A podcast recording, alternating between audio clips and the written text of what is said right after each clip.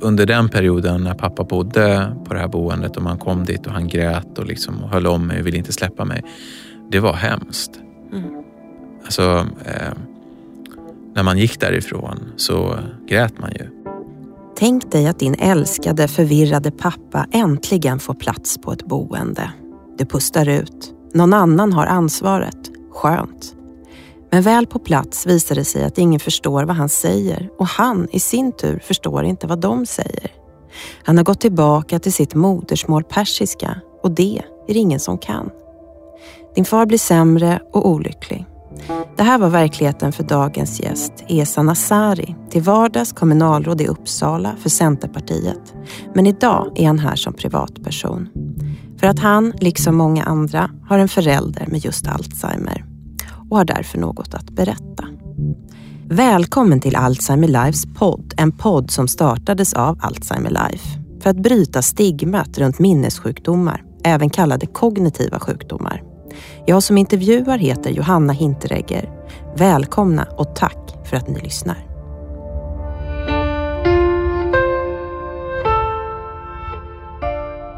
Hej Esa Nasari, välkommen hit. Tack så mycket. Hur känns det att vara här och du ska tala om dig och din far?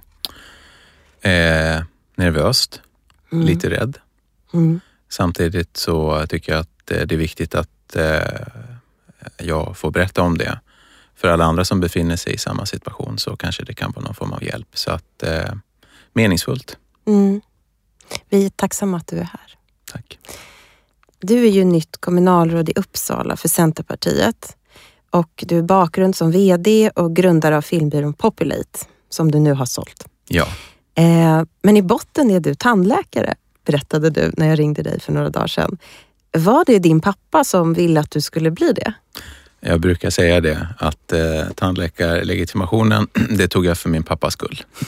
Eh, jag var ju ganska ung när jag började på tandläkarskolan. Jag hade jobbat ett halvår efter gymnasiet och eh, det är inte helt ovanligt i persiska familjer att föräldrarna jättegärna vill att barnen antingen ska bli doktorer eller ingenjörer. Och det var ingen annorlunda med mina föräldrar. Så att eh, min pappa hade stakat ut vägen redan tidigt, eh, att jag skulle bli doktor. Mm. Eh, och då eh, gjorde jag så. ja. Eh, ja, precis. Det var min fördom också att eh, just det här tandläkare och läkare är sådana yrken som anses väldigt fina, som föräldrar ofta iranska ja. föräldrar vill, ja. vill, att barnen ska ha. Ja. ja, men precis så är det. Och eh, det var en väldigt eh, rolig period och eh, jag hade förmånen att träffa min nuvarande sambo eh, och en av mina bästa vänner som vi sen startade bolaget med ihop tillsammans också. Så jag... Som också inte ville jobba som tandläkare? Ja. också, nej, inte från... Eh. Han är också från Iran. ah, ja. Men då blev din pappa nöjd i alla fall, för då hade du examen. Så även om du inte höll i, i, i, i borren så, så ja. var det okej? Okay. Det var okej. Okay. Eh, då kunde han skryta eh, mm. om att eh, jag var tandläkare. Så att då kunde jag göra det jag ville. Precis. Eh, jag tänker att han hade varit väldigt, eller att han är stolt över dig idag också eftersom du har gjort allt det här som entreprenör och nu även är politiker. Um, och vi är ju här för att tala om din pappa, mm. Gassem. Uh, om du är den här Uppsala-profilen, entreprenör, nu ger du dig in i politiken för att förändra, du har ett driv, vill, vill göra samhället bättre. Uh, vem var han? Eller vem är han? Ja, den där frågan kommer ju ofta när jag mm. pratar om Alzheimer. Mm. Men vem är han? Vill jag så vill jag ställa frågan. Mm. Eh, mm. Pappa eh, har varit en eh, galen entreprenör kan man säga. Han eh, eh har gjort allt ifrån att starta teflonfabriker till hönsfarmar till plastfabriker och allting däremellan. Eh, men han var också, precis som mig, väldigt samhällsintresserad och engagerade sig politiskt tidigt då Eh, i Iran. Och Ni kom hit under kriget? Vi kom hit under kriget, men pappa ja. kom hit långt mycket tidigare. Just det. Mm. Ja, han eh, kom till Sverige när han var 22 tror jag och det fanns, då flyttade han till Uppsala och då var det inte så många iranier som bodde i Uppsala. Och det var liksom under shahens tid då och han var väldigt politiskt engagerad. Och så flyttade han tillbaks till Iran då när det blev eh, revolution och där träffade han min mamma och så gifte de sig. Och så kom vi och så flyttade vi hit då när det blev krig mellan Iran och Irak. Men han... Eh, Händelserikt och spännande. Ja, det, det är ju liksom en, en podd. Spelade det en stor roll i, er, i din uppväxt? Ja. Iran och kriget och... Ja. ja. ja men det gjorde det. Jag, jag har en väldigt starkt minne av kriget. Det är att när jag är sex år, kommer ut, vi bodde i en lägenhet och så kom jag ut på balkongen där och tittade upp mot himlen och så flyger det några raketer ovanför huvudet på mig. Eh, och sen tar det några sekunder och så ser jag boom och så skakar hela, eh, liksom hela huset. Och det där sitter så hårt i liksom, den upplevelsen. Nu bodde vi i Teheran och Teheran var väl liksom inte, inte lika utsatt men eh, det, det är hemskt att som barn få uppleva krig och det ger väldigt mycket perspektiv. Eh, man tar inte saker och ting för givet och man tar inte framförallt demokratin för givet. Och det är klart att det är en väldigt viktig drivkraft för mig och för många andra tror jag som har kommit hit från svåra förhållanden att få vara med och bidra till samhällsutvecklingen. Mm. Och där kan man säga att pappa har ju såklart inspirerat mig för att han har ju alltid pratat, vi har alltid pratat mycket politik och samhällsfrågor. Det har liksom varit en naturlig del i min uppväxt. Eh, men han var också en fantastiskt kärleksfull och snäll person. Eh, och eh, han var väldigt social och hade många vänner och var väldigt omtyckt. Liksom. Mm. Tyckte om att prata och tyckte om att... Även i Uppsala alltså, inte bara i Teheran utan han fick ja. mycket vänner här också ja. i Sverige. Ja. Mm. Så att han var på många sätt en, en fantastisk person och en väldigt kärleksfull pappa. Mm. Eh, jag brukar säga att han har nog gjort många misstag som, eh, som, som en far, men man kommer liksom inte ihåg dem för han var så kärleksfull. Och det är lite intressant. Liksom att, mm. om man som barn får det där grundläggande med att man får kärlek och, och man får liksom, eh, tryggheten så eh, blir man väldigt förlåtande när man sen då har lite perspektiv själv. Och nu är jag ju själv förälder också så att ja, men det var det är en fantastisk person. Men det är precis som du säger att nu, nu är det ju en annan person. Mm. Det är ju inte riktigt min, den pappa som jag kände för sex sju år sedan. Mm. Eh, det här är ju inte samma person såklart. Mm. Men mycket av det där finns ju. Det kärleksfulla, glädjen, skratt, nära till skratt liksom och sådär. de säger det på ålderdomshemmet att han är eh, han är väldigt snäll, han vill hjälpa till hela tiden. Så han är väldigt omtyckt även där. Mm. Mm. Um, din far fick sin diagnos Alzheimer 2017. Mm. Min mamma fick ju ett år senare, 2018. Mm. Hon är också på ett boende nu, mm. sen några månader. Um, då var han bara 67, din pappa. Mm. Eller hur? Ja. Um, du sa att han var, var glad och hjälpsam på boendet. Mm. Hur är det, vad kan han mer göra fortfarande? Kan han läsa och skriva? Och kommer den ihåg, vad, ta, vad gillar han att tala om och så? Ja, skriva kan han inte göra. Eh, läsa eh, orkar han väl göra i väldigt korta stunder. Det där med att hålla uppe uppmärksamheten påverkas ju kraftigt. Liksom. Eh, men eh, jag tror att det han, det han gillar mest nu det är att lyssna på musik. Han lyssnar väldigt mycket, han vill väldigt gärna lyssna på musik och det eh, har han ju alltid haft väldigt stort musikintresse. Vad är det för musik då? Är det, det, det persisk musik? Ja, det, det är ah, traditionell okay. persisk folkmusik mm. eh, som eh, är det liksom han har haft, eh, han nästan alltid har lyssnat på och som det skapar liksom någon form av lugn och glädje hos honom när han får lyssna på det. Sen eh, vill han fortfarande prata om samhällsfrågor men, men just nu är det väldigt oroligt i Iran och vi försöker mm. liksom styra bort ifrån det för att det, då märker man att då, det är inte så bra för hans psykiska välmående. Han blir för orolig? Han blir för mm. orolig mm. och arg Stressad, och frustrerad. Ja. Så att ett tag så tittade han på nyheterna men det slutade vi med faktiskt för att det blev ingen bra eh, för honom. Men eh, annars så, det han pratar mest om det är faktiskt mina barn. Mm. Eh, väldigt mycket barnbarnen och han eh, ska väldigt eh, frekvent eh, påtala den kärleken han har till dem. Den är väldigt stark och han, han pratar om det hela tiden, hur mycket han älskar dem och vad han kan tänka sig göra för dem. Så att eh, vi brukar, när, jag, när vi träffas så brukar jag liksom visa filmer på mina barn. Eh, jag har en dotter som är åtta år och en son som är elva. Och Mm. eh, när de har idrottat eller åkt skridskor eller vi har varit på bio tillsammans så pratar vi väldigt mycket om det. Är han medveten om att han är på ett boende och att han... Är han medveten om sin sjukdom? Ja, det är han. Mm. Eh, han är medveten om att han är på ett boende och eh, sen är det svårt att veta hur medveten han är. Men, Mm. men, men det är han och eh, han- är ju också medveten om att han eh, är sjuk. Men eh, min pappa liksom, han är eh, född och uppväxt i Iran, han är man eh, och som många andra män eh, så eh, är vi inte så bra att prata alltid om våra känslor. Så att liksom, han har aldrig pratat så mycket med mig om det och när jag frågar honom hur känns det, hur mår du? Så är det väldigt svårt att få honom att prata och öppna upp sig. Mm. Eh, och det där har jag reflekterat mycket över. För att det hade varit skönt för mig, tycker jag, Mm. om vi hade kunnat haft ett sådant samtal där han kunde vara väldigt ärlig och berättat om sina känslor. Men det finns liksom fortfarande någon form av fasad, tycker jag, där han har Mm. väldigt svårt att prata om det. I alla fall med mig då. Eh, Just att, vad det kän, hur det känns för honom att inte minnas och inte veta var han är och ja, att våga vara svag helt ja, enkelt. ja. Mm. Och hur det är att vara, eh, vara sjuk liksom, med Mm. Alzheimer. Eh, utan eh, Han säger att Nej, men det är bra, ungefär. Eller? Ja, Mm. jag, många gånger när jag frå, har frågat honom eh, hur, hur, hur är det? Jo, men det, det, det är okej, liksom. det är bra. Ja.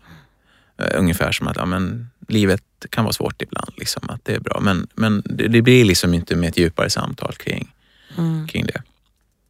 Nej, jag, jag bad ju dig lyssna lite på den dokumentären jag gjorde om min mamma och mig Mm. när hon fick sin diagnos. Och där är väl en av styrkorna att vi pratar ganska mycket om Mm. det också. Mm. Jag tänkte att det var viktigt att någon som faktiskt har Alzheimer får berätta om hur det känns och så. Men det var en period vi kunde göra det. Mm. Nu kan vi inte det. Nu säger hon också, jo men det är okej, när jag frågar hur hon mår. Mm. Ja, jag tror att det är för komplext för henne att förklara hur det egentligen är. Mm. Så jag vet inte om det, ja, om det bara är att hon inte vill säga utan att det kanske är just att det sjukdomen gör att man inte riktigt kan på allvar beskriva hur Mm. det känns. Jag tror att eh, jag lyssnade på Mm. den dokumentären och det var ju det var, ja, det var, det var svårt att hålla borta tårarna tycker jag faktiskt. Framförallt en relation, en så stark relation som du hade med din och har med din mamma. Men eh, det jag tänker på är att jag var nog dålig på att prata på samma sätt som du var med min pappa tidigt. För jag var rädd Mm. eh, och tyckte det var jättejobbigt. Vi, vi ska gå tillbaka lite till, men nu pratar vi mycket om hur det är nu, Mm. men jag tänkte 2017, det blir konstaterat att han har Alzheimer. Hur kändes det för dig? Vad innebar det för dig när du fick reda på det? Det var, det var overkligt. Eh, man kan ju inte föreställa sig att eh, någonstans så vet man ju intellektuellt att min mamma och pappa kommer ju inte leva för alltid. Eh, ingen kommer göra, kunna göra det. Men, men när, när, det liksom, när jag fick höra då att han eh, eh, har fått den diagnosen så förstod jag ju liksom att eh, på något sätt att det blev så verkligt att pappa kommer ju, han kanske han kommer ju dö. Eh, liksom. eh, och det blev liksom ett, någon form av existentiell kris för mig. Eh, och jag kommer ihåg att första natten då var jag tvungen att sova eh, i hos, alltså, eh, min, mina, mina barn är så små så de kommer liksom till, till vår säng och då tog jag min sons säng och jag liksom grät nästan hela natten. Mm. Eh, och eh, eh, tyckte att det var helt overkligt. Liksom. Mm. Sen, eh, ja, sen händer det ju massa saker efteråt. Då. man går ju liksom igenom olika faser även om man lever i en lång... Oftast är man ju också då i en virvar av att man redan hjälper sin förälder ganska mycket. Ja, För det tar ju ett tag att få den här diagnosen. ja. Så att man är ju i det också, Ja. det praktiska. Mm. Hur märkte ni att något inte stämde med din pappa då? Det måste ju skett något år, några år innan. ja, precis. Det här kommer ju smygande. Och, eh, han bodde ganska mycket i Iran under den här perioden. Eh, så att jag fick ju liksom höra från hans, eh, hans Mm. mamma är fortfarande vid livet och från hans, några av hans syskon som bor där nere, att han gjorde väldigt mycket konstiga saker. Liksom. Mm. Eh, och det där tänkte väl jag inte så mycket på. Du vet, man är mitt uppe i arbete och barn och allt möjligt. Så att ja, ja, okej, okay, tänkte jag. Liksom. För grejen var den att två år, några år tidigare så hade jag tagit pappa till vårdcentralen för vi misstänkte att det kan, kan vara någon demenssjukdom. Mm. Och då hade de gjort en sån här minimental och då tyckte ju då den distriktsläkaren att nej, men det är nog inte någon Alzheimer utan han har, eh, för, för, för pappa mådde lite dåligt. Det hade hänt ganska mycket i livet så han hade liksom en depression. Och då trodde ju läkaren att det här är kopplat till depressionen, det här liksom dåliga minnet Mm. och sådär. Så jag hade liksom släppt det där. Jag gick ganska mycket på det. Nej, men vi har ju liksom kollat upp det här redan och eh, han är liksom frisläppt. Det, det är nog depressionen och sådär. Mm. Det där är ju vanligt. Man, Ja, och det, Mm. det, är väldigt lu, Depression. det är väldigt lurigt liksom, eh, och svårt att ställa diagnosen på ett bra sätt snabbt. Eh, så därför så tog inte jag de där signalerna på allvar. Och, men sen då hände en incident och det var att han hade gått vilse i Iran. Så de hade liksom, det var någon som hade hittat honom på gatan och de hade liksom följt med honom hem. Mm. Eh, och då förstod ju vi att det här, det här är ju, nu är någonting riktigt fel. Så då åkte han tillbaka till Sverige och då gjordes den här utredningen då. Som sen så småningom visade att han har då Alzheimer. Mm. Det var precis samma med, med mig och min mamma. Att vi gick till vårdcentralen och så han, den läkaren, en äldre läkare som har haft hand om min mamma i liksom 40 år. Mm. Så att han var så "Nej, hon är ju bara lite, hon börjar bli äldre, ingen fara, bara lite, då blir man lite virrigare. Så, så att avskrev det helt. Mm. Mm. Så jag känner igen det där. Mm. Man vill inte heller riktigt gräva i det. Det är ju väldigt jobbigt. Ja. Att, så att det var som att jag sköt undan det lite också. Ja, man tycker ju, men gud vad skönt. Och sen precis som du är inne på så vill man gärna inte tänka på det där igen. Mm. Eh, men eh, jag kommer ihåg att jag, det, jag, det jag gjorde sen, några år efter, är att det, det, den här eh, formuläret Minimental, det är ju på svenska som Mm. du måste liksom sitta och besvara. Och jag pratade med pappas minnesläkare sen och han sa ju att det finns ju stora Mm. fel i det där när man inte förstår språket så bra. Då frågade jag honom, men, men har ni liksom inte det här på andra språk? Nej, men det hade de inte. Så då betalade jag själv eh, och översatte den till persiska. Eh, och så fick minnesmottagningen på Akademiska sjukhuset av mig. Eh, Wow. att, eh, och jag, jag tog en jätteduktig översättningsbyrå som jobbar Ja. Mm. med medicinsk översättning och sådär. Och hans minnesläkare tyckte att det var jättebra. För jag tänker att då kanske andra kan ha glädje av det. Att det finns... Eh, Du är en riktig doer. Ja. ja, precis. Mm. Det kanske händer när man är i kris. Antingen så gör man grejer eller så blir man, blir man väldigt handlingsförlamad. Men du låter som någon som gör saker ändå. Du vill förändra. Mm. det är mitt sätt att hantera Mm. eh, att jag eh, ska liksom prestera ännu mer på något sätt. Ja. För då kanske du räddar situationen. Lite så. Mm. Och det är det fruktansvärda med en sån här diagnos. Än så länge när det inte finns botemedel. Det är ju att ja, jag tampades också med det väldigt länge, att acceptera det på något Mm. sätt. Men det är som att man måste acceptera att det kommer bli sämre och sämre och sämre. Det är så svårt i Mm. vårt samhälle där vi strävar efter att allt ska bli bättre. Ja. Det- Svåra känslor. Mm. Det är frustrerande. Jag kommer ihåg att jag la ner otaliga timmar på att liksom sätta mig in i det här. Eh, läsa liksom forskningsartiklar, leta upp vilka de bästa forskarna i världen. Jag hade faktiskt kontakt med Lars Lannefelt. Han är ju kopplad till eh, Uppsala eh, Mm. som nu har kommit med det här nya läkemedlet tidigt. Då, då hade ju Mm. de sina medicinska prövningar och ville få in pappa liksom på det. Men eh, eh, det gick ju inte för att han hade lite andra läkemedel. Han var inte riktigt ung. Liksom. Du vet, det som, Jag gjorde exakt samma sak. Jag var också i kontakt med dem. Så- Men mamma var för långt gången då, ja, redan. ja, okej. Mm. Ja. Ja, vi Så verkar vara lika på det här sättet. Ja, och jag Ja. tror att många anhöriga, eh, Mm. kanske inte bara kring Alzheimer utan Nej. annat, eh, känner liksom någon form av eh, eh, behov av att göra något. Och eh, just när det kommer till då Alzheimer i det här fallet så känner man ju en maktlöshet. Men när du låg där i din sons säng och grät hela natten, vad var det du grät för då? Hade du en bild av vad Alzheimer var? Ja, Mm. det hade jag. Eh, jag eh, kanske inte då förstod vad det här kommer att, hur det här kommer Mm. att förändra mitt liv som anhörig riktigt. Eh, men eh, mer än att man hade ju förstått att det här är en anhörigsjukdom. Men det var inte därför, utan det var ju liksom att Din pappa? min pappa liksom. Eh, och just det här också att när han får sjukdomen så, så blir det så mycket mer konkret att han kommer att dö någon gång. Liksom. Och det tror jag satte igång någon form av existentiell kris hos mig. Exakt. Han är inte odödlig. Han är inte odödlig. Jag, alltså min pappa kommer inte finnas för alltid.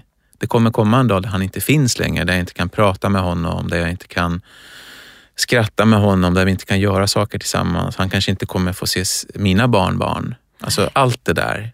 Eh, konsekvensen av det. Eh, och att liksom... Eh, eh, det var liksom för jobbigt, Mm. helt enkelt. Det var, det var väldigt tungt, måste jag säga. Hur är det nu då, några år senare, när du tänker på det? Känns det som att du fortfarande blir ledsen eller har du hittat ett sätt liksom, att hantera sådana där känslor? Ja, alltså... Man är ju i en ständig sorgprocess. Mm. Eh, sen eh, är det klart att med tiden så bearbetar man ju det här och man, alltså man, man accepterar ju mer och mer. Eh, det viktiga för mig nu är ju att pappa har det bra. Mm. Att han har det bra och att, han, att jag ser att han ändå kan vara glad i det här och trots liksom den här sjukdomen och sådär. Eh, men eh, det händer ganska ofta att man sitter, man, framförallt på nätterna, där man Mm. lägger sig. Liksom. För på dagarna har jag fullt upp med allt och då hinner man inte tänka på det. Men sen så Mm. ligger man där på, på kvällen och ska sova. Då kommer tankarna. Mm. Eh, Jag kan tänka på så här, ligger hon också nu och tänker? Ja. Och hur, hur tänker hon då? Och liksom, är hon ensam då? ja. Ehm, mm. Och just det där att, precis det där att han är ensam nu. Ja. Han ligger där ensam i sitt rum. Eh, och Mm. då vill man bara vara där och hålla om honom. Exakt. Ja. Ja, nu blir jag ledsen. Vad ska vi göra? Min podd är programledare som är ledsen. Ja, det är så fint att höra dig tala om din pappa. Mm. Jag kan berätta att vi, vi ska båda åka och hälsa på våra föräldrar sen, har vi sagt. Mm. Efter det här samtalet. Då får vi hålla om dem.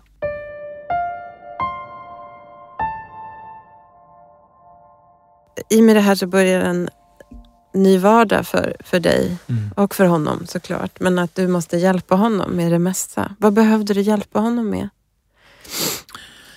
Eh, ja, I början så var det ju eh, väldigt mycket att eh, försöka... Jag köpte liksom alla hjälpmedel man kunde få. Mm. Eh, Det är inte så mycket det, och det är inte så mycket, nej det är det Nej, inte. Så att Det, det, det, måste gått fort. Det, det gick ganska fort. Det var liksom, eh, hur skulle han kunna klara av att ta sina mediciner själv? Eh, då eh, hittade jag liksom ett svenskt företag som har någon fantastisk produkt liksom, där man får sms eh, när Mm. han har tagit sina mediciner. Så där. Ja, eh, vi ordnade så att han hade liksom klockan på, och datum på persiska för jag tänkte Just att han det. tappade Mm. svenska språket. Så där. Han tappade det ganska snabbt. Eh, ja, Mm. nej, ja, det- relativt snabbt skulle jag Mm. vilja säga, men det går ju successivt. Okej. Mm. Eh, så, så idag, liksom fem år efter diagnosen, så pratar han ju nästan inte så mycket svenska alls, men Nej. han förstår lite, liksom, Mm. väldigt lite. Sen blir det ju mer och mer i samband med att eh, sjuk, sjukdomen fortlöper och jag frågade pappas minnesläkare liksom, hur, liksom, hur fort kommer det här att gå? Mm. Eh, och eh, då sa han att nej, men det kommer inte gå jättelångsamt, det kommer inte gå jättefort, utan det är liksom någon mittemellan progression, tyckte han då på Mm. honom. Ja, vad innebär det? Ja, det är svårt att säga. Men eh, det var ju mycket att eh, man, jag var ju liksom, jag projektledde ju hans hälso och sjukvård. Eh, Det gång han blev du som gjorde det som storebror. Ja, det blev Mm. jag som gjorde det. Väldigt stor utsträckning. Eh, om man skulle till läkare, om man skulle till tandläkare, alla myndighetskontakter, liksom, Dagverksamhet efter dagverksamhet, Hemtjänst. Mm. hemtjänst. Liksom, så att, eh, och på slutet då, innan han flyttade till ett eh, särskilt boende, då hade jag ju två familjer. Mm. Och han, för han hade ju hemtjänst, de kom ju fem, sex gånger per dag. Men eh, jag tyckte att det var så, så dålig kvalitet på det. Mm. Så att, eh, så jag, ville ju, jag tog ett mycket större ansvar som anhörig eh, och eh, hjälpte honom med att duscha och mycket av omvårdnaden. Så att, eh, sen hade han ju en liten hund. Mm. som han, som Min han, mamma hade en stor hund. Okej, pappa hade en liten, en liten Mm. papillon som han absolut inte klarade av. Nej. Men det, det här, alltså kärleken till den här hunden var, var så stark så att jag hade liksom inte hjärtat att, eh, att, göra, alltså, att sälja eller hitta, hitta en annan ägare till hunden. Så att han fick ha kvar den hunden sa vi så länge han bor hemma. Men det innebar att jag var tvungen att åka dit varje morgon och varje kväll under ett års tid för att rasta Peppe, som hunden hette. Ah. Så att innan då jag skulle lämna barnen på förskola, då åkte jag till pappa, öppnade dörren, tog ut Peppe på en runda, lämnade Peppe. Och innan på kvällarna då, klockan åtta på kvällen eller nio på kvällen, då kanske vi hade lagt barnen, då åkte jag dit. Och det gjorde jag under ett års tid. Gud. Eh, så att det var ju liksom ett, eh, det, det var ett stort ansvar och då, då har man ju liksom barn som är i förskola och skolålder. Eh, men eh, det funkade ju på grund av att han bor ju, då hade sin lägenhet väldigt nära oss. Mm. Eh, så att det var ju, eh, på slutet var det ju nästan, eh, då hade jag ju två familjer som man var tvungen att ta hand om. Vad sa din familj, dina barn och din, din sambo? De, ja. De, de har ju stöttat mig såklart, Mm. men det tar ju jättemycket på relationen. Mm. Det kan man inte sticka under stolen med. Och eh, ja, alltså, vad, vad, framförallt min sambo, alltså, vad, vad, vad ska hon säga? Det är ju min pappa, men samtidigt förstår, ser jag ju liksom att det där påverkar ju hela våran, hela våran familj. Eh, så att, eh, men eh, men det, jag har liksom aldrig, jag, vi, vi, vi har aldrig fått höra från henne att "Nej, men det där kan du inte fortsätta med, det där kan du inte göra. Så det är jag otroligt tacksam över. Att hon ändå eh, har gett mig det stödet. Och, eh, För då hade man fått liksom ännu mer Mm. dåligt samvete. Dubbel att- skuld. Dubbel skuld. Liksom, Mm. jag, klar, jag är inte tillräckligt för min pappa, jag är inte tillräckligt för min familj. Det kände jag ju ändå. Mm. men, eh, men att man ändå det är hade... inte bara det att man fysiskt behöver vara någon annanstans några timmar varje dag eh, och hjälpa till och ta ut hunden eller ja, hjäl- Ja, hjälpa honom med hygien och städning och mat och allt. Utan det är också att man sen kanske när man kommer hem behöver man få prata om ja, hur dåligt det här var, att det inte var skött av hemtjänsten eller hur ledsen man är att han inte kan det här längre eller hör vad han sa. Det är ju också liksom en timme av man behöver processa det ja. hela tiden. Det Ja. tär ju också på relationen. Jag Jag, känner, mig igen, känner igen mig i det. jag vet att i början var jag ju väldigt duktig med att liksom höra av mig till hemtjänsten om allting som jag tyckte inte funkade. Men efter ett tag kände jag att det spelar ingen roll. Nej. De gör säkert så gott de kan. De har inte bättre förutsättningar. Så att det är bara liksom, man bara accepterar det. Mm. Eh, och eh, Vissa av personalen var helt fantastiska och andra visste ju knappt vem de kom in till. De Mm. frågade honom, behöver du hjälp? Ja, Ja. kan inte en demenssjuk patient svara på. Eh, så att det blev ju liksom att de, hemtjänsten fanns där bara, men egentligen så kände jag liksom att det är ju jag som tar hand om min pappa. Mm. Eh, sen på slutet så hjälpt, hjälpte min, hans syster en hel Mm. del också faktiskt. Så jag hade lite stöd och hjälp ändå, ska jag Precis. säga. Absolut. Mm. Han har syskon också i Stockholm och Uppsala, din pappa. Och du har en lillebror också. Ja. Så ni har varit flera i det här. Men, Ja. ehm, ja, jag känner igen det där väldigt mycket. Och det är ju, jag kommer ihåg eh, när jag läste om dig och din pappa på Facebook. Jag tror du hade gjort en uppdatering. Då skrev du så här, vilket fantastiskt land vi har, Sverige ändå. Mm. Att, vi, att vi har en sån välfärd som man kan få en boendeplats och Mm. inte behöver bekosta hela den vårdapparaten själv. Mm. Men det är ju byggt för, det är en mall. Mm. Det är väldigt, ja, det är väldigt svårt att få jag kan inte tänka mig att det är någon som längtar till den dagen kommer då man ska bo, bo på ett demensboende eller få hemtjänst. Mm. Och det blir en ytterligare sorg för en att man inte får, att ens förälder inte har det tillräckligt bra. Mm. Så det är dubbelt det där. Dels har vi det här, men det behöver bli bättre. Mm. Håller med, absolut. Hur var det att prata med era släktingar i Iran om, om det som hände? Hur din pappa mådde och hur, hur din situation var och att du tog hjälp utifrån. Och, ja, vad sa de? De, eh, det, det är ju, eh, upplever jag, ännu mer stigmatiserad i ett land som Iran. Eh, och Man pratar bort det lite. man liksom. pratar bort Mm. det, absolut. Och eh, helst vill man ju liksom, det är nästan till den graden att eh, vissa vill gömma undan eh, för att andra inte i omgivningen ska förstå att han har hamnat mm. i den här sjukdomen. Eh, och eh, den släkten som pappa har i Iran, eh, det är syskon hans mamma. De levde ju liksom, eh, och till viss del lever fortfarande i någon form av förnekelse. Mm. Och har ju haft väldigt svårt att acceptera det. Sen i, i de länderna, jag tänker jag liksom Mellanöstern men säkert i många andra länder, då är det ju anhöriga barnen som tar hand om sina föräldrar. Det finns ju liksom inte den välfärden vi har här. Eh, och det förväntas att man gör det. Oftast är det ju kvinnorna som, som drar det lasset. Mm. Eh, så att det fanns ju eh, stor, stora förväntningar på att man ska göra väldigt mycket men samtidigt så upplevde jag ändå att de var väldigt tacksamma eh, och liksom ändå eh, uppskattade det och jag fick ju liksom höra väldigt mycket om att ja, du, du ställer upp och du är så fantastisk. Så det var ju väldigt skönt. Men, mm. men, men eh, det var också lite liksom du vet, när man pratade med dem så kändes det som att de gjorde någon form av revision. Ja, när var du mm. där senast då? liksom, ja, ja okej. Okay. Eh, har han fått det där nu? och Så, där. så att man, man liksom skulle mm. svara upp till deras förväntningar. Eh, mm. Så att det är... Eh, det är svårt att tala om någonting som är så tydligt för en själv ja. och så vill någon förneka det. Ja.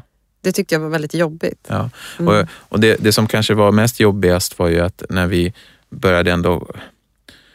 Eh, alltså I början så då tänkte jag att min pappa ska aldrig hamna på ett ålderdomshem. Mm. Jag, hade själv jobb, jag har själv jobbat på ålderdomshem mm. och eh, såg ju liksom hur det var. Att jag, jag, upplever att man eh, mer förvarar våra äldre. Det är inte värdigt. Liksom. Eh, även om det är fantastiskt att det finns, så precis som du var inne på. Så jag, liksom, spontana ja. första känslan var... Det är svårt att komma från något annat än förvaring. Ja, mm. Att nej, men pappa ska inte hamna där.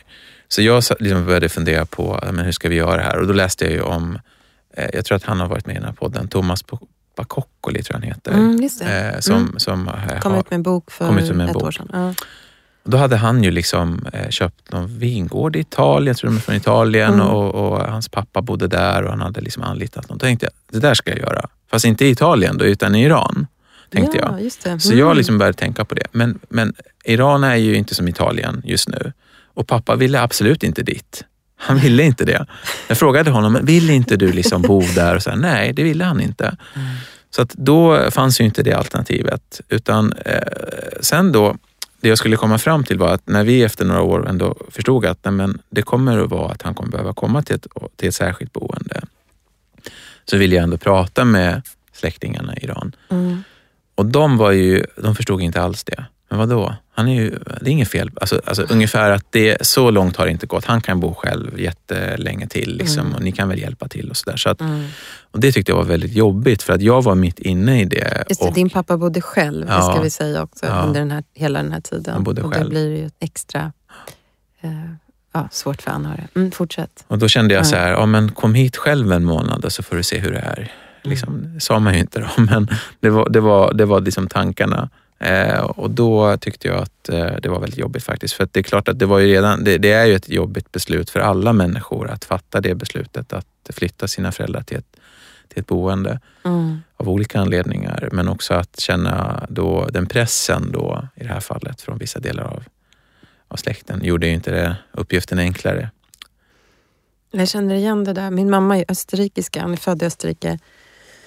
Svensk mamma och österrikisk pappa och när jag pratar med släkten där, då är de alltid så här, eller jag hade liksom, ah, jag ska, den här julen så ska vi fira den. Vi ska inte åka till hemmet och fira den. Hon ska inte fira med oss. Det blir för stressigt. Vi, tar, vi, vi firar henne några dagar innan och så, mm. eh, och så är jag liksom, ja, checkar jag ut lite på julen och så. Och de var så här, va? Ska hon vara helt ganz allein äh, im Heim? Ska hon vara helt ensam på hemmet? Hur tänker du då? Mm. Nej, men aha, alltså du vet. Och, äh, mm. så det är så, äh, det, det, finns där, även där, det här mm. att nej, men, du måste faktiskt ta hand om henne för hon är din mamma. Mm. Kanske ännu starkare eftersom jag är kvinna också. Jag tror det. Ja. Att det kan vara ännu jag bara, starkare. Men jag har ja. nyfödda tvillingar hemma och en ja. fyraåring. Jag kan inte liksom ta hand om en till. Nej. De var så här, Ja, men då får du väl anställa någon. De har en helt annan... Um, och det är ju också en väldigt svår sak att göra i Sverige, Mm. anställa någon och ta hand om ens förälder. Det är ju ett otroligt lyx om man kan göra det. Mm. Så jag känner igen det där. Mm. Eh, den där skulden är ju väldigt svår som anhörig. Mm. Att man hela tiden kan göra lite till. Ehm, och eh, varför tror du det är så? För tror du både du och jag verkar känna den ganska starkt? Tänker väl att till viss del så beror det såklart på hur man är själv som person och vilken relation man har haft till sina föräldrar. Eh, såklart. Eh, du har ju haft en väldigt stark relation till din mamma och eh, jag har också haft en väldigt stark relation till min pappa. Han har varit oerhört kärleksfull och eh, eh, vi har liksom varit kompisar. För mig var det också att jag förlorade en vän, inte Mm. bara min pappa. liksom. Eh, och eh, jag vet inte. Det, det, jag, jag har alltid varit en ansvarstagande person och är det. Eh, för mig är det naturligt att ta ansvar och att känna att jag inte kan ta det ansvaret fullt ut och att framför allt att Alltså vad, vad är det man vill när föräldrarna blir äldre? Det är att bara de ska må bra och ha det bra. Ja, och då när alternativet inte är toppen Nej. som boende. Ja. Man ser att oj, här skulle det behövas två till som jobbar. Ja. Kanske någon som tar hand om omsorgen och inte Ja. bara vården. Ja. Oj, här skulle man behöva förbättra massa saker. Då känns det extra svårt. Att liksom acceptera att, Mm. att det är så. Eh, det är väldigt svårt, att- hade jag väldigt svårt, har väldigt svårt att förlika mig med. För att jag har liksom helt andra förväntningar på hur det borde vara för att jag ska må bra. Mm. Så det handlar också väldigt mycket om Exakt, det är lite själviskt Ja, också. Man själv ja. vill kunna gå därifrån och Ja. känna att det här var bra. Det här var Mm. bra. För, för, för när man känner så då, då blir det dåliga samvetet lite mindre. Eh, och samtidigt intellektuellt förstår man ju att jag, jag kan inte vara med min pappa hela tiden. Jag har en egen familj. Så att det, det är en ständig, liksom, en ständig eh, konflikt mellan känslorna och intellektet, skulle jag vilja säga. Där jag tycker att eh, ibland vinner känslorna och då är det jättejobbigt. Ibland så försöker man med intellektet liksom ändå hantera det där Ja. försöka resonera med sig själv och så. Mm. Eh, men eh, man är ju inne i det hela tiden på ett eller annat sätt.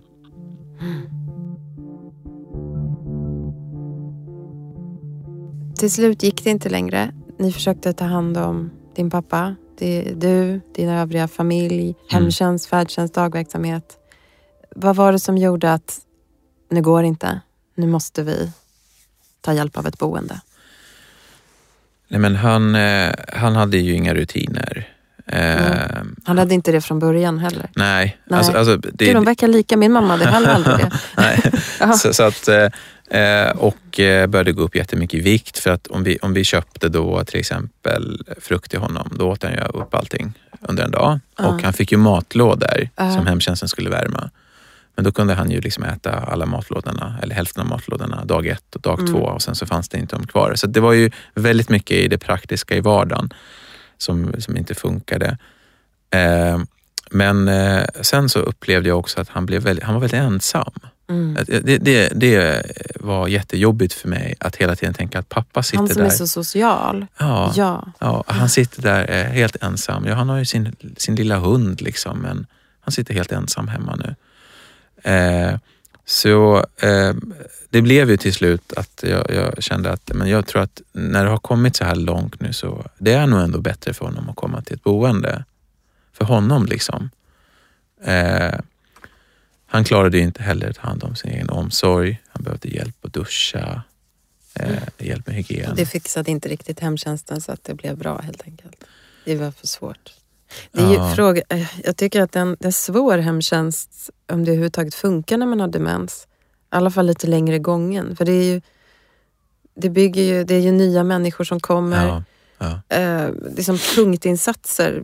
T- 15 minuter där. Alltså, det är liksom helt strider mot hur en dement person egentligen borde be- bli behandlad. Ja, Ja. ja, absolut. Nej, men det är precis som du är inne på, att eh, en, en ny person som kommer dit och ska snabbt försöka duscha min pappa. Ja. Du vet, Dusch 10 minuter stod Ja. din mammas. Jag bara, dusch 10 minuter? Hur ska det lyckas? Hon har aldrig Ja. träffat dig förut. nej. Eh, så att, och, så att jag, jag eh, liksom beställde inte ens de tjänsterna för jag förstod liksom att det här kommer inte bli bra.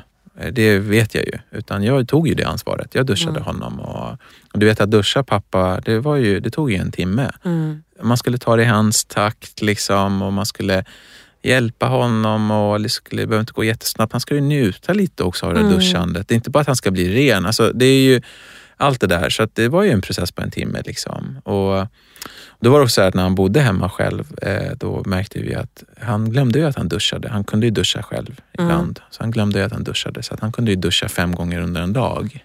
Ja. Det var, blir ju mer och mer konstiga saker som de gör. Och då kommer det till slut till en punkt där man känner att antingen så behöver han ha någon hos sig mm. eh, eller så behöver han ha ett, lignet runt omsorg mm. för att kunna klara av det här vardagen på ett bra sätt. Mm. Och nu talar din far helst persiska. Det är det han har, hans modersmål. Ja. Och han behöver hjälp dygnet runt. Och ni flyttar honom till ett boende, men det blev inte så bra. Nej.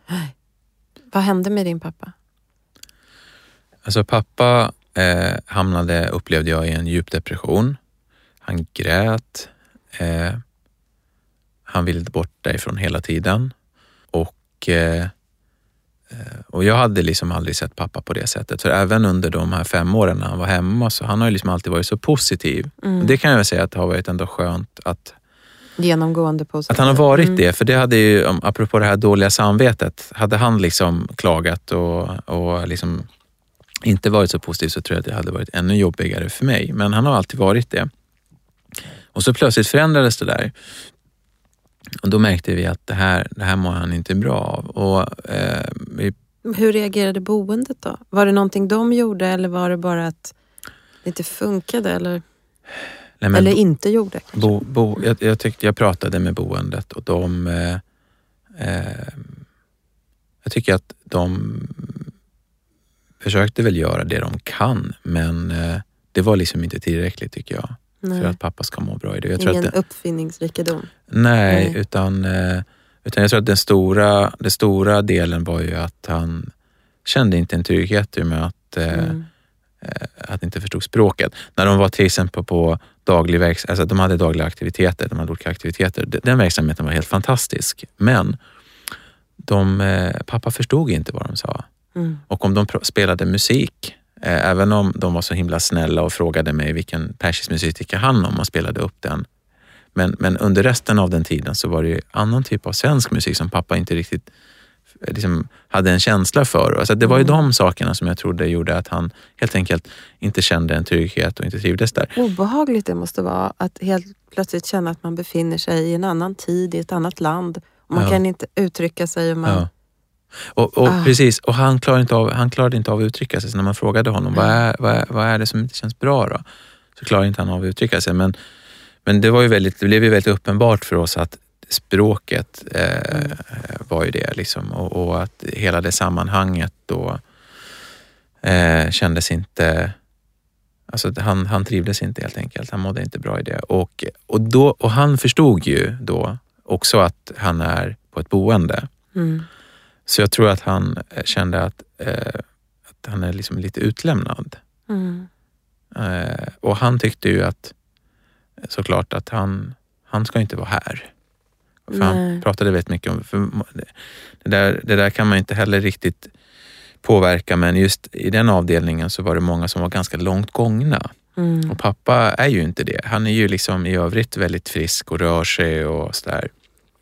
Eh, så att, eh, då tyckte han att, liksom att ja, men de där är ju jättesjuka, det är inte jag. Liksom. Så det är han, precis samma med mamma, men hon ja. är fortfarande kvar där. Ja. Hon, jag pratade med henne häromdagen, då var jag så här, jag kommer strax men eh, eh, vi har varit magsjuka så vi vill inte åka och smitta. Så, så vi har väntat med att besöka henne.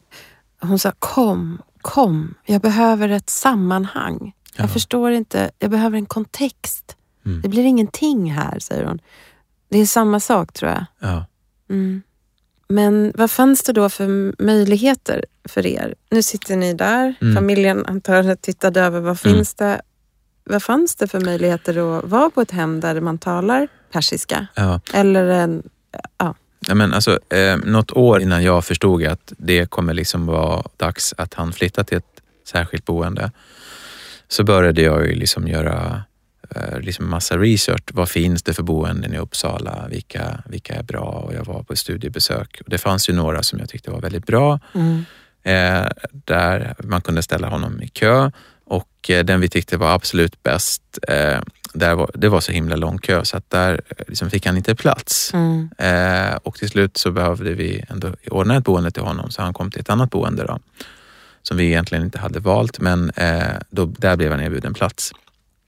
Men vi hade också fått tips från en kompis att det finns ett, ett boende i Stockholm som har liksom ett koncept där all personal är persisktalande. De lagar pers- Persikan, va? persikan, Ja. heter den ja. Jättefint. Ja, och de, de lagar liksom persisk mat där, de firar persiska högtider. Eh, och då var jag och besökte dem eh, och eh, liksom frågade ja, men hur, hur är det ens möjligt för honom att komma hit? Ja, men det är det. Då får man göra liksom, fick jag lära mig att man får göra en så kallad utomkommunal ansökan. Mm. Eh, så jag gjorde allt det där. Eh, och eh, när han flyttade till det boendet i Uppsala som då vi ändå var, då, då stod vi så här, ska vi flytta honom till ett boende i Uppsala eller till det här persisktalande som då vi kanske tyckte var bra. Men det blev ju mycket längre till oss och vi kunde inte besöka honom lika ofta. Så tar vi, nej men vi tar den i Uppsala ändå av olika anledningar. Men när det inte funkade, då hade vi det alternativet och jag, ansökningen och eh, beslutet, biståndsbeslutet var redan klart så att det var ju väldigt tur och Det var ett lämpligt. beslut som du och din närmaste var tvungna att ta egentligen. Ja, och Ska då, vi ha en timme till honom ja. eller en kvart? Alltså, han mådde så dåligt och Mm. då pratade jag med eh, min bror, jag pratade med min sambo och eh, jag och eh, hans pappas, en av pappas syskon, eller två av pappas syskon. Vi åkte dit tillsammans igen och besökte det här stället och då tyckte vi alla tre liksom att ja, men, det är nog värt att flytta honom hit. För det är inte jätteoptimalt. Han hade precis bott några månader på det här boendet och att flytta en demenssjuk person efter några månader till ett ett annat boende.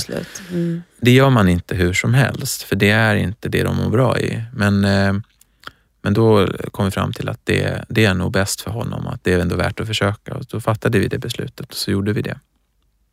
Hur har det gått? Han har bott där nu en månad, ganska exakt va?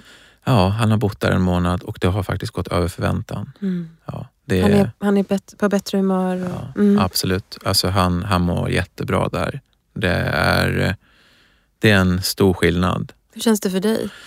Ja, men det går inte att förklara. Har du liksom Alltså, sänkt axlarna ja, lite? Ja.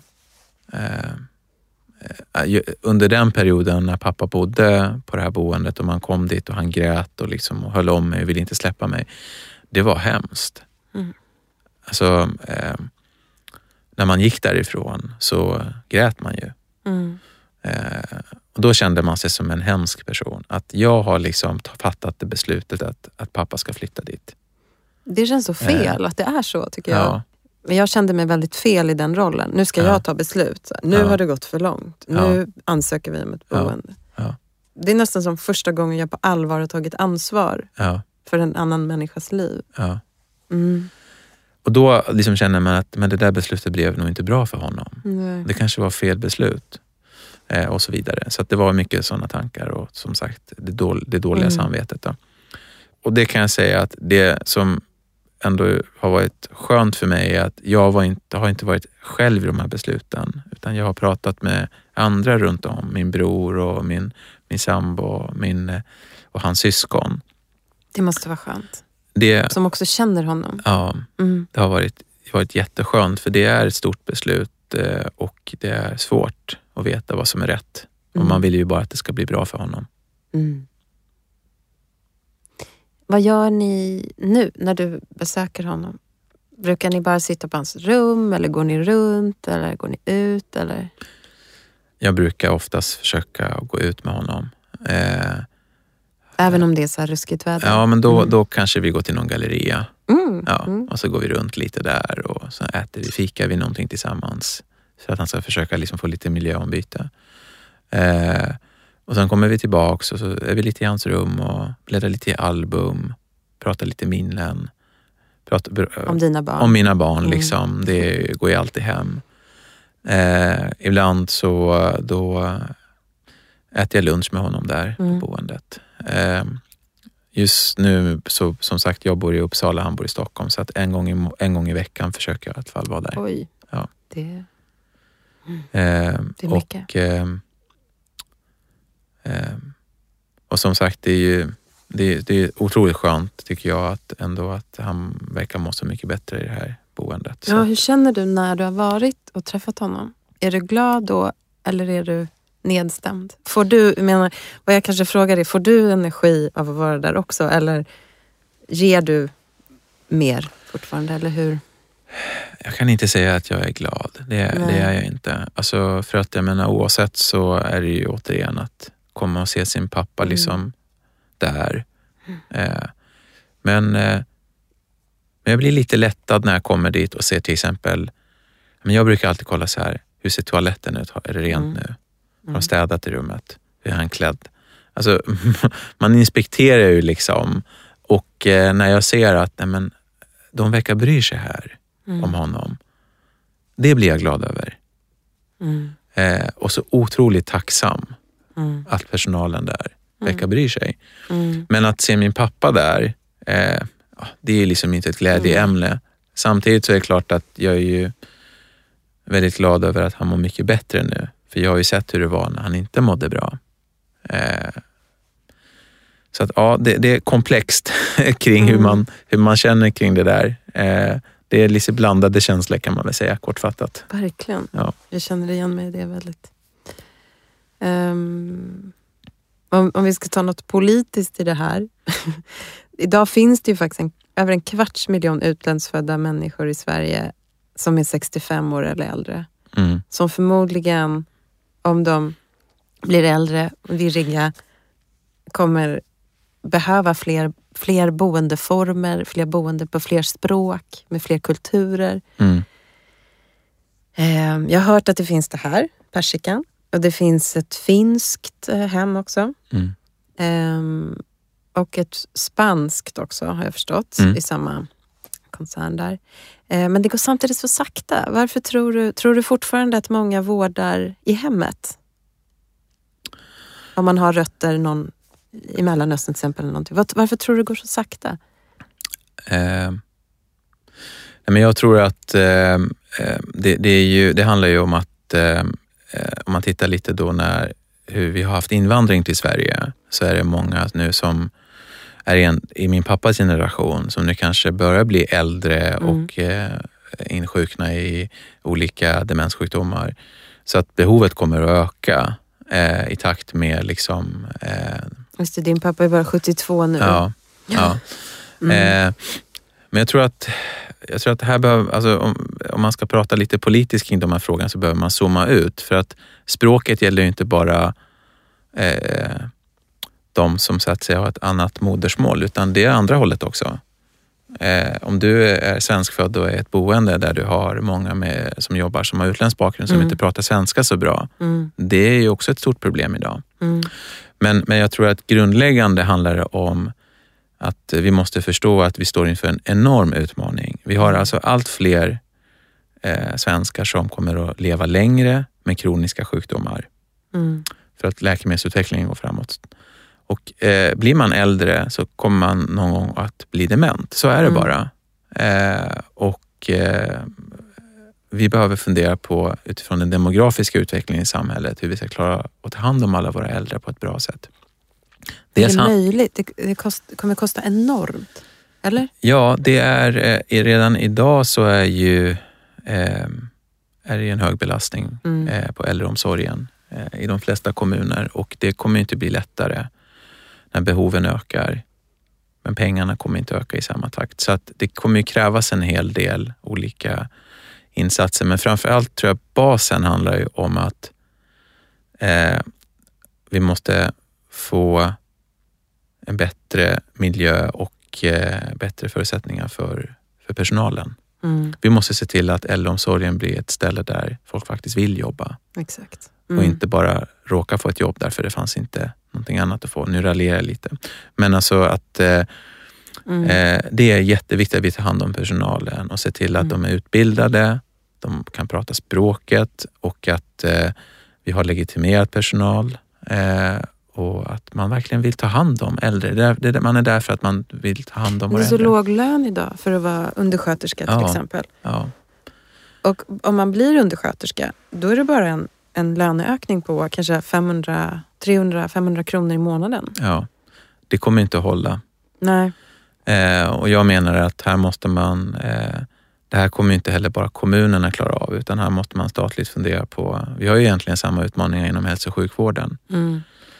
Men eh, vi behöver agera nu.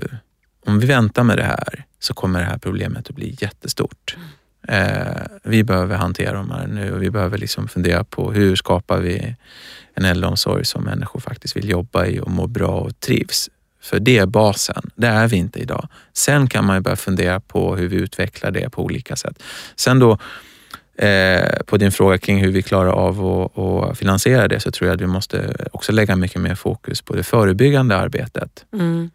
Tidigare Eh, diagnoser. Tidiga, tidiga Mm. diagnoser men också inom, eh, att, att inom, inom äldreomsorgen, inte bara demensboende men inom äldreomsorgen få in, my- in mycket mer eh, liksom rörelse, aktiviteter eh, så att eh, de äldre klarar sig själva längre Mm. tror jag är jätteviktigt.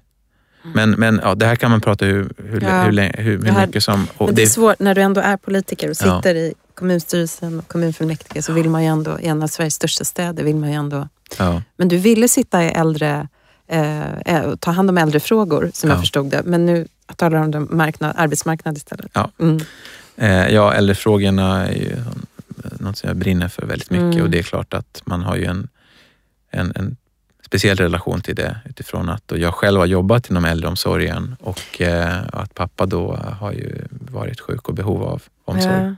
Eh, En kort bara till en politisk... eh, Under pandemin blev det ju, eller efter pandemin, kort efter pandemin, så blev det ju väldigt tydligt att vi måste göra någonting åt Mm, eh, äldrevården. Det var ju inte ens nu mer en fråga om tid att få omsorg eller vård, utan även vården var ju mm, katastrofal, Mm. vilket gjorde att vi fick så höga dödstal mm. jämfört med andra nordiska länder. Ehm, men nu känns det inte som att man pratar om det Nej. längre. Nej, Och det var inte en stor valfråga. nej. Konstigt, eller? Är det för att den här gruppen inte är stark och talar själv? Ja, jag tror det. Jag tror att det här är en grupp som eh, kanske Mm. inte hörs på samma sätt som lärarna till exempel, eller som andra grupper. Eh, Det skulle ju bli ramaskri om man tog bort en fritidspedagog eller en eh, förskollärare från dagis ja. och tillät istället att ha... Ja. Nu, nu eh, menar jag inte såklart att vi inte ska satsa på våra lärare, för det ska vi också Mm. göra. Men, men jag menar att det är nog lite att de, eh, det är en grupp som, som inte då... Eh, Utvecklingen går inte framåt för den här gruppen. Alltså man blir inte bättre och bättre helt enkelt. Man blir ju... ja, jag tror att eh, eh, om man säger så här att det, det, det är ju ganska trist att vi ska behöva ha en pandemi Mm. för att kunna vidta åtgärder för att stärka kvaliteten inom äldreomsorgen. Jag tror att alla som jobbar inom äldreomsorgen och har föräldrar eh, visste om det där redan. Mm. Men att vi ska behöva ha en pandemi där äldreomsorgen stresstestas till den nivån att så många människor dör och då börjar vi agera. Det tycker jag är jättetråkigt och det är där, det där jag menar att, att vi behöver hantera det här nu och ta krafttag för att Mm. annars Se kommer helheten. Se helheten. Ja. För behoven kommer att öka, men inte i takt med resurserna. Och eh, här behöver man fundera på hur man ska klara av det här uppdraget. För det är vår skyldighet, tycker jag, mot våra äldre. Att eh, de ska få en värdigt åldrande. Mm. Många som lyssnar på den här podden är ju också knappt äldre också. Kanske själv drabbade eller har en partner som är drabbade. Mm. Det ser man ju också att, att eh, eh, kognitiva sjukdomar, man upptäcker dem tidigare och tidigare. Det kan vara 45, 44. Ja, så att det är ju inte bara en fråga för äldre egentligen, utan Nej, från oss alla. ja, absolut. Ehm, om vi började med din pappa, vi avslutar där. Vad, vad saknar du mest med att göra med din pappa? Nej, men jag, jag saknar nog att eh, ha honom som en bollplank. Mm. Alltså när man, när man har svåra saker så kan man liksom, eh, hade jag liksom alltid kunnat prata lite med honom om det och hur tänker du och hur ska jag resonera kring det här? Det stödet. Eh, Och då känner man sig såklart lite mer ensam. Lite mer att nu måste jag stå ännu mer på egna ben. Det kan jag, det kan jag sakna. Eh, det är mycket man saknar, men, men det, det, det, det upplever jag att, att, eh, att man, man har inte liksom den personen som man har kunnat gå och pratat med och fått stöd liksom och känt den tryggheten i längre. Utan, eh, mm. och det tycker jag känns tomt. Ensamt. Ensamt. Ja. Någon som känner den så bra. Ja. Mm, jag håller med. Ja, det får avsluta i, i saknadens tecken. Mm. Eh, tack så jättemycket Esa Nasari, kommunpolitiker i Uppsala för Centerpartiet, men främst här idag som anhörig till en förälder med Alzheimer, din pappa. Tack för att du har delat med er av er historia och din kärlek till din far. Det var jättefint att du var här. Tack så mycket för att jag fick komma och berätta. Tack för att ni har lyssnat. Bloggen och podcasten Alzheimer Life har också en insamling till förmån för forskning om kognitiva sjukdomar. Ni kan hitta den på vår hemsida alzheimerlife.se och den görs i samarbete med Alzheimerfonden. Denna podd produceras av stiftelsen Alzheimer Life med finansiellt stöd av biofarmabolaget BioArctic och den görs på Beppo. Beppo.